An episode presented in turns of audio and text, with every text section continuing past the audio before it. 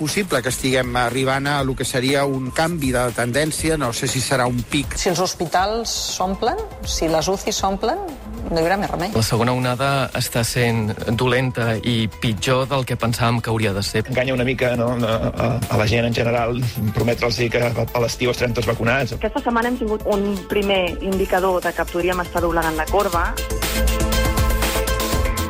Aquest és el panorama des de fa un any. Uh, les xifres que ara avançava el butlletí informatiu que el Departament de Salut acaba de, de comunicar. Eh? Um, Unitats de cures intensives, 730 malalts de Covid, la xifra més alta de pacients crítics d'aquesta tercera onada de la pandèmia. També augmenten de 127 els ingressos a planta, superant els 2.800 malalts. Pugen les defuncions per coronavirus, 67 persones superant les 19.100 des de l'inici de la pandèmia. Es redueixen eh, els casos positius confirmats, Salut en notifica uns 1.600. El risc de rebrot recula 21 punts, se situen als 533 i també redueix la velocitat de contagi fins al 0,93. Això són dades bastant positives respecte d'on veníem. Campanya de vacunació. Han rebut la dosi, la segona dosi ja, més de 59.200 persones a Catalunya. Feia molts dies que volia fer aquesta entrevista. Doctor Manel Esteller, bon dia i bona hora. Hola, bon dia. I benvingut al suplement. Com està, doctor? Gràcies, molt bé.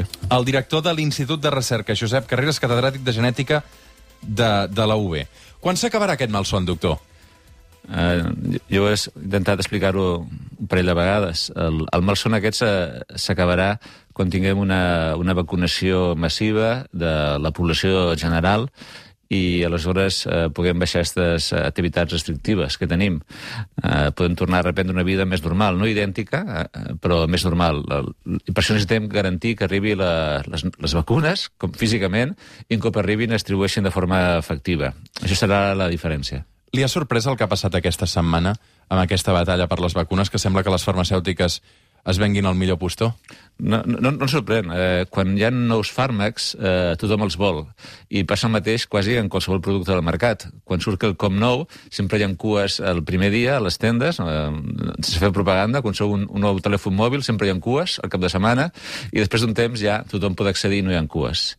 El que ah. no s'entén és que si tenen un compromís signat amb la Unió Europea per adjudicar unes vacunes per uns diners, eh, el trenquin al millor postó, no? Sí, eh, eh, està clar que hi ha uns compromisos signats, però també anem a dir que hi ha compromisos signats amb uns i amb els altres, amb molta gent, i potser no són incompatibles o no entre les firmes, que el com que no sabrem mai perquè pertany a la, al secret de, de la indústria, en aquest sentit, i dels governs. Eh, però, però hem de mirar que altra gent també ha tingut compromisos i han fet molt millor. I jo voldria esmentar, per exemple, el cas d'Israel. Tenim un 30% de vacunació a Israel, un 30%, un de cada tres. Què hem fet diferent? Podem preguntar-nos. Eh, a països de l'Orient Mitjà hi ha un percentatge aproximadament d'un 15% vacunats. Eh, nosaltres, als Estats Units mateix, en tantes crítiques, ja tenen un, ja tenen un percentatge d'un 11%, 12%. M'estàs parlant de països molt rics. Sí, però als Estats Units eh, hi ha de tot. Hi ha, hi ha gent molt pobra i gent molt, molt rica, en aquest sentit. Estem parlant d'un 12%. Aquí tenim un, un, un 1.2%, veritablement. Eh, per tant, hem, hem de fer un esforç a molts nivells. I, i nosaltres hem de fer-ho nosaltres dintre de la Unió Europea, perquè si no, eh, veritablement hem begut oli. I hem de fer-ho dintre de la Unió Europea amb la força que dona eh, tots aquests estats però és evident que s'està fent negoci amb les vacunes i amb la salut de la gent, per tant, no? És, és una pregunta, com pots imaginar-te, espinosa, aquesta d'aquí. Eh, es fa salut a la, la gent. Els, les empreses farmacèutiques són empreses, per tant, han de tenir un benefici. Eh, al mateix temps, hi ha uns límits de producció. Eh, no es poden produir més dels que hi ha. I si tu tens un producte que tens 10, i t'ofereixen més un lloc que un altre, potser el vendràs més a un lloc que a l'altre. Uh, eventualment arribar a tothom, i això hem de, tenir-ho molt clar. Uh, recordem que nosaltres queixem aquí, però altres països no han rebut ni una, ni una vacuna, altres països del món. Per tant, nosaltres estem a, a la meitat d'aquesta corba. Hem vist moltes vacunes, no? Uh, Moderna, Pfizer, mm, AstraZeneca. Amb més finançament, Catalunya o, o, o fins i tot de tot l'Estat, eh, s'hauria pogut desenvolupar una vacuna pròpia contra la Covid? Primer dir que quantes més vacunes, millor. Més, perquè, primer, disminuirem aquesta probabilitat d'aquesta lluita de mercats i de preus. Eh? Quan, quan hi ha més diversitat, tots els eh, monopolis o oligopolis fan pujar els preus. Quanta més diversitat, millor. Per tant, volem quantes més vacunes, millor. Per tant, si hi hagués hagut una vacuna eh, des d'altres països, eh, per exemple, eh, des, des, de, des de nosaltres o des de França mateix, perquè França, el seu poder, ha estat incapaç de, finalment de, de fer la, la vacuna, una vacuna francesa, malgrat el poder científic i econòmic que ha tingut. Si, si des d'aquí està possible, sí, però si aquí, recordem que els pressupostos generals de l'Estat han invertit sols 2 milions d'euros amb això, i en altres països s'ha invertit el 10 vegades més, 22, fins i tot 200 milions d'euros. Uh, aquí tenim uh, una vacuna que està en, en fases molt primerenques, uh, que demostrant l'eficàcia en models encara preclínics, uh, i fins que arribi al mercat encara faltarà molt. Augmentar la eh, dotació econòmica ajudaria? Evidentment. La, la ciència d'aquest país, del pressupost general de l'Estat, sol rep un 1,1%. Altres països del nostre ambient reben un, més d'un 2%. El doble, encara que sigui una misèria, perquè 2% no és res, però com a mínim reben el doble. Eh, Per tant, tot el que fem aquesta tendència serà benvingut. I sap- greu perquè hi ha bons professionals aquí, gent que entén molt de, de malalties infeccioses, d'epidemiologia, de models matemàtics de predicció d'aquestes crisis infeccioses, que podrien haver fet més coses si haguessin tingut més recursos.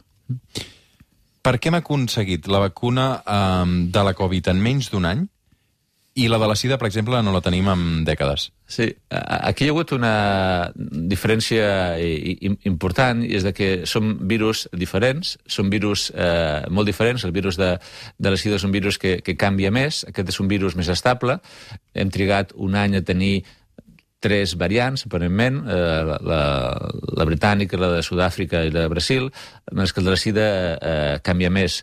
Um, a, a part, a part d'això hi pot haver altres condicionants, recordem la, la freqüència de, de la infecció, aquí eh, al començament la- l'HIV doncs, afectava unes capes de la població concretes i aquí afecta tothom, podem dir tothom. Eh, La transmissió és més senzilla, més fàcil, més ràpida i això també ha provocat, eh, podem dir, eh, aquesta, aquest últim rush, però bàsicament és una qüestió molt, molt tècnica. Eh, per sort de la infecció de HIV ara tenim, fa- tenim fàrmacs molt bons que permeten mantenir la, la malaltia controlada. L'he canviat molt la vida, vostè, aquest últim any? Do- Doncs és, és una mica diferent com tothom, no? A, a mi, que soc bastant cinèfil, em recordo una mica el, el dia de la marmota, no?, que dic jo, que t'aixeques i és un dia similar a l'altre, no? Les coses que feien diferent eh, són difícils eh, avui de fer-les. Però jo crec que de totes coses eh, hi, ha- que aprendre molt. molt. Eh, en, ens ha permès eh, centrar-nos a algunes coses concretes que volíem fer, perquè he tingut més temps per reposar, en aquest sentit. Eh, S'han pogut fer coses que no es podien fer abans, per exemple. En- ha més en detall resultats, eh, eh, etc. Però, veritablement, eh, es troba a faltar aquesta interacció humana, aquesta cosa de, de aquesta riquesa no? que dona viatjar a Boston o, o, a- o a Heidelberg i veure els científics d'allà, parlar amb ells directament i veure què està passant. Aquest tipus de coses troben a faltar. Els humans som, evidentment, animals socials i necessitem fer això. No podem tornar a les cavernes per por a una infecció. I la seva feina? L'he canviat molt? La, la, meva, la meva feina ha, ha canviat eh, de, a moltes maneres. És a dir, nosaltres, molta gent del laboratori, doncs eh, la meitat està en el laboratori, però la meitat estan a casa, encara, i, anem intercanviant, i, i, perquè pr procurem maximitzar la seguretat, evidentment, dels treballadors, en aquest cas. Eh, es fa molta més recerca usant ordinadors, no? Eh, perquè són més segurs. Les dades allà són més segudes, són més fredes i neutres. En canvi, la investigació que es fa més amb, amb reactius pues, s'ha fet menys aqu- aquest any. Eh, la gent s'ha preocupat molt més per la financiació de recerca. Eh, és a dir, si, si no faig Covid, podré fer recerca? Es pot preguntar algú, no?, si tots els diners van a, van a, a Covid. Evidentment, ha, ha de continuar fent recerca amb, amb càncer, amb el dia cardiovascular, amb Alzheimer, tot això ha de continuar perquè eh, esperem que, que a finals d'any estigui tot una, molt més controlat, la vacunació sigui molt més estesa i puguem reprendre les activitats necessàries de la investigació. Mm -hmm. uh, moltes unitats de tractament de càncer d'hospitals catalans uh, han explicat, han alertat que es detecten menys casos de càncer que ara fa un any perquè el personal mèdic està precisament volcat um, amb la Covid-19. Sí, hi ha, hi ha moltes explicacions. Una és que la mateixa població eh, ha tingut por d'anar als hospitals mm, perquè agafaré vés a saber què, a l'hospital, no? Avui en dia, el, el Covid. I hi ha hagut molta menys gent que ja no ha anat a l'hospital. Van a l'hospital eh, si tenen una, una, crec que sospita una infecció respiratòria, eh, en aquest sentit, o perdó, la- l'olfacte associat a, a, a Covid. Però, veritablement, això, això ha canviat eh, molt com la incidència, la incidència aparent de càncer, perquè el càncer no hi ha cap motiu perquè hagi canviat. Estadísticament i epidemiològicament eh, no hi ha, no hi ha una, una relació. Té a veure més una mica amb aquesta falta de, de, de, de la persona d'anar a, a l'hospital en aquest sentit. Bé, ja, aniré d'aquí tres mesos, no? quan hagi passat una mica tot això. No?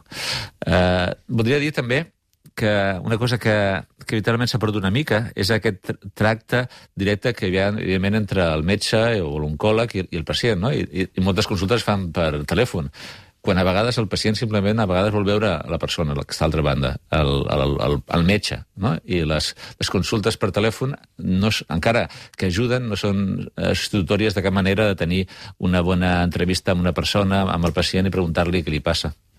Pel que fa a, a la relació, eh, quina relació hi ha entre càncer i Covid-19? La, la, la relació és molt complexa, és quelcom que estem investigant al laboratori bastant, aquesta àrea. Uh, i, I, per exemple, hi ha hagut, jo dic, dos anècdotes, però m'agrada dir que dels exemples s'aprèn. I va, fa mesos enrere, un, col·laborador nostre alemany va donar un fàrmac contra el, el, el càncer en un pacient que tenia Covid i va curar aquell Covid amb aquell pacient. És una anècdota, és un fàrmac d'immunoteràpia i el va curar en aquell pacient en concret, no? Per tant, hi ha coses relacionades. I ara fa dues setmanes, un pacient al revés, que tenia un càncer, en cas un linfoma, com va tenir el Covid, va curar aquell linfoma perquè va desencadenar una resposta immune del cos, al Covid, que va lluitar contra aquell linfoma. Això són anècdotes, evidentment, exemples. Però això demostra que hi ha una relació eh, entre tot una mica. Eh, i, I potser a la meitat d'aquesta relació està el sistema immune. El sistema immune com que el com que ens fa defensar contra les infeccions i també contra el càncer. Aleshores, potser eh, fàrmacs d'immunoteràpia poden tenir un efecte clar eh, lluitant contra, contra la infecció, també. Eh, eh, recordar una cosa. Per exemple, sabem que la, la, la, la Covid-19 és molt més greu amb persones que tenen defectes eh, genètics eh, al sistema immune, que tenen immunodeficiències, per exemple. Però, per l'altra banda, aquella gent que té un sistema immune eh, massa sensible poden desencadenar respostes hiperimmunes, pots imaginar-te, i tenir una inflamació molt gran que provoca un Covid greu, també. Eh, per tant, eh, posaria al mig d'aquesta, la frontera entre el càncer i, el, i la Covid-19 el, el sistema immune com a, com a aduana, no? a l'aduana entre un i l'altre. Vostè s'està dedicant a investigar això aquests dies, precisament? Sí, és una de les coses que estem fent al laboratori, bastant. Ara no Què, què han descobert? Ara esperem que surtin aviat els resultats de forma definitiva, però hem analitzat eh, més de, de 400 pacients en Covid-19 eh, de tot l'estat i hem, i hem mirat si genèticament hi havia una diferència entre aquella gent relativament jove que ni s'enteraven que ho tenien i la gent jove que habitualment desenvolupava una malaltia greu fins i tot també ingressa en UCI. I hem vist que aquests últims veritablement tenien defectes, sobretot um, amb les vies de, de, de defenses del cos humà. La via, per exemple, d'interferó, que és una interferó gamma, que és una via que ens defensa contra les infeccions víriques. Uh, a més, confirmem altres coses, no? Evidentment que, que els homes van pitjor que les dones uh, uh, amb la infecció. Sabem per què? Uh, no queda del tot clar. Això és que no, no queda del tot clar. Uh, no, no, no veig un resultat que digui, és degut a això. No, no, a mi no em queda del tot clar. I una altra cosa que veiem també és de, que l'edat és clau. L'edat és clau. A mesura que avances, dels 50 als 60, 70, 80, va augmentant de forma exponencial el risc de tenir una malaltia greu. Vostè que es dedica tant també a la investigació, com definiria la vida? La vida. Uh, M'havia dit que feien preguntes fàcils, no. Uh, nosaltres, uh, la vida és, és quelcom que estadísticament és improbable. Això ho definiríem així, d'acord? Uh, que una sèrie de, de mecanismes, de reaccions, siguin altament regulades, que ens permetin tenir una activitat, una activitat no sols que ens fa caminar i, i dividir-nos, sinó també pensar, i pensar en nosaltres i pensar en el que vindrà quan estiguem nosaltres, imaginem la complexitat de tot això. O sigui, és, és, anem a dir que la vida és un fenomen altament improbable. M'encanta. um, crec que és amic de Salvador Massip, oi, vostè? Sí, sí, sí. És, és una persona, um, un investigador de la Universitat de Leicester, a qui truquem habitualment al suplement, perquè bàsicament tot el que diu normalment va a missa, uh, i l'encerta moltes vegades. Clar, el Salvador Massip, abans d'aquesta pandèmia, havia publicat un llibre precisament que parlava de les pandèmies i ningú li ha Sí. fet cas, pràcticament. Sí. Aleshores, clar, un cop va sortir això, tots a córrer darrere del Salvador Massip. Uh, això que ha passat no és tan estrany, no? No, no, passa i tornarà a passar. O sigui, eh, si mirem les malalties de l'ésser humà, canvien molt en funció de com ha evolucionant la societat. Eh, per exemple, hi ha hagut... La malaltia primera potser va ser la gana i el fred. Morir de gana, morir de fred. Eh, continua passant en molts països. La continua morint de gana o de fred, o de- d'extrema calor, anem a d'aquesta forma. Però hi ha, hi ha eh, pujades i baixades. Les infeccions és el típic exemple d'un tipus de malalties que creiem, ah, ja no hi ha infeccions. Eh, la gent que té infecció ja no els mirem i, i passa aquell cop, no?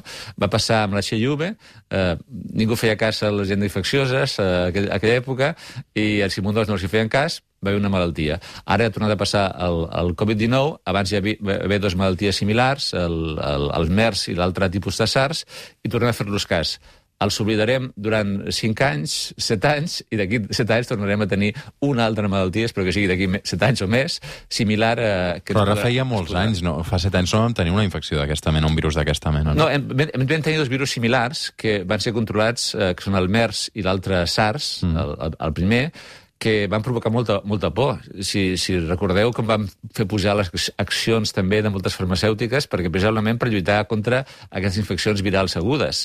Uh, la gent estava molt espantada. Es van suprimir molts actes, la gent va deixar de viatjar els avions. Simplement no sabem encara del tot per què, aquests virus van quedar confinats a determinades àrees i la mortalitat va ser, evidentment, eh, molt inferior. Però el susto va estar allà. És un bany de realitat, no?, també el que ens ha passat aquest últim any. Sí, és un bany de realitat, però aquest bany de realitat té una resposta que és aixugar-se la tovallola de la recerca, clar, claríssimament. És a dir, si nosaltres estiguéssim, tinguéssim, per exemple, una recerca molt més forta, podríem respondre molt més a aquests reptes. Però la resposta s'ha fet ja en un any, en menys d'un any, eh, des del març passat, ha estat increïble. Tenir 7 o 8 vacunes que tenim avui en dia, encara que no es puguin distribuir, encara, encara no? Però una cosa més logística que científica. Els científics han fet la seva feina. Anem a dir que nosaltres, ja- nosaltres hem fet ja les vacunes en aquest sentit. Però ara falta distribuir-les i vendre-les un preu assequible per tothom, que és una altra història que, com a científics, ja, ja ajudarem, però no som la nostra, la nostra banda. Però s'ha fet un, un canvi molt important però, com he dit, aquest bany de realitat necessita també eh, aquesta recerca contínua, no? aquesta recerca contínua en totes les malalties i també les infeccioses. I, a més, eh, es- esmentar-ho, que quan menciona els indicadors estem preocupats per les UCIs, no? Doncs agafi, eh, potser necessitàvem més UCIs d'entrada, allà. No? Que no, no veiem després les coses. Necessitem més UCIs d'entrades. Necessitem reforçar la sanitat pública. Necessitem derivar la sanitat privada quan sigui necessari i, i, sense, i sense cap problema. És a dir, necessitem eh, reforçar el sistema sanitari eh, de moltes formes per estar preparats, perquè no pot ser ara que eh, operacions es derivin cap a una altra banda perquè hi ha una urgència. Sí, tot s'hauria de, de fer eh, quan toca. Però hem de reforçar aquestes UCIs segur. Eh, per tant, bany de realitat, sí, eh, però hi ha solucions, solucions que estan clares. Crec que està a punt de publicar un llibre eh, precisament amb, amb el Salvador Massip. Eh, històries de ficció, contes de ciència? Sí, eh, és difícil de dir. Eh, això apareixerà ara per, eh, per editors Pagès a, a octubre, després de l'estiu. Un dia per després de l'estiu perquè sigui més presencial tot, no? Que la gent sigui una mica més eh, de millor molt preparada per això. En, en sabré titular-ho eh, Quan la raó fa vacances, i bàsicament doncs, va de nosaltres dos, que som dos científics que escrivim uns contes, no? Eh, aquests contes... Sí, també són escriptors, carai. El, el Salvador més, podem dir-ho d'aquesta forma. Quin bon partit. Eh, però, sí, jo crec que el, el científic a vegades dic que s'assembla un detectiu, però també s'assembla una mica a vegades un escriptor, perquè el que descobreix ho ha d'explicar a la gent, com, com, ho fa, no? I aquí eh, nosaltres veiem, estem aquella frontera a vegades entre les coses molt reals i, les, i el futur, eh? el que, el, el que ens que fos. Nosaltres veiem el futur, ja. Eh, a, a, a la gent li preocupa avui en dia com es distribuirà la, la vacuna i si és més cara aquí o allà. A mi em preocupa ja eh, saber el, els tractaments nous que hi haurà quina, si hi ha una mutació propera amb, amb el virus, qui és la gent susceptible, és pensar una mica més al futur. I aquest tipus de contes, eh, veritablement, et posen en aquesta frontera amb, amb el present i el futur, amb la realitat i la ficció.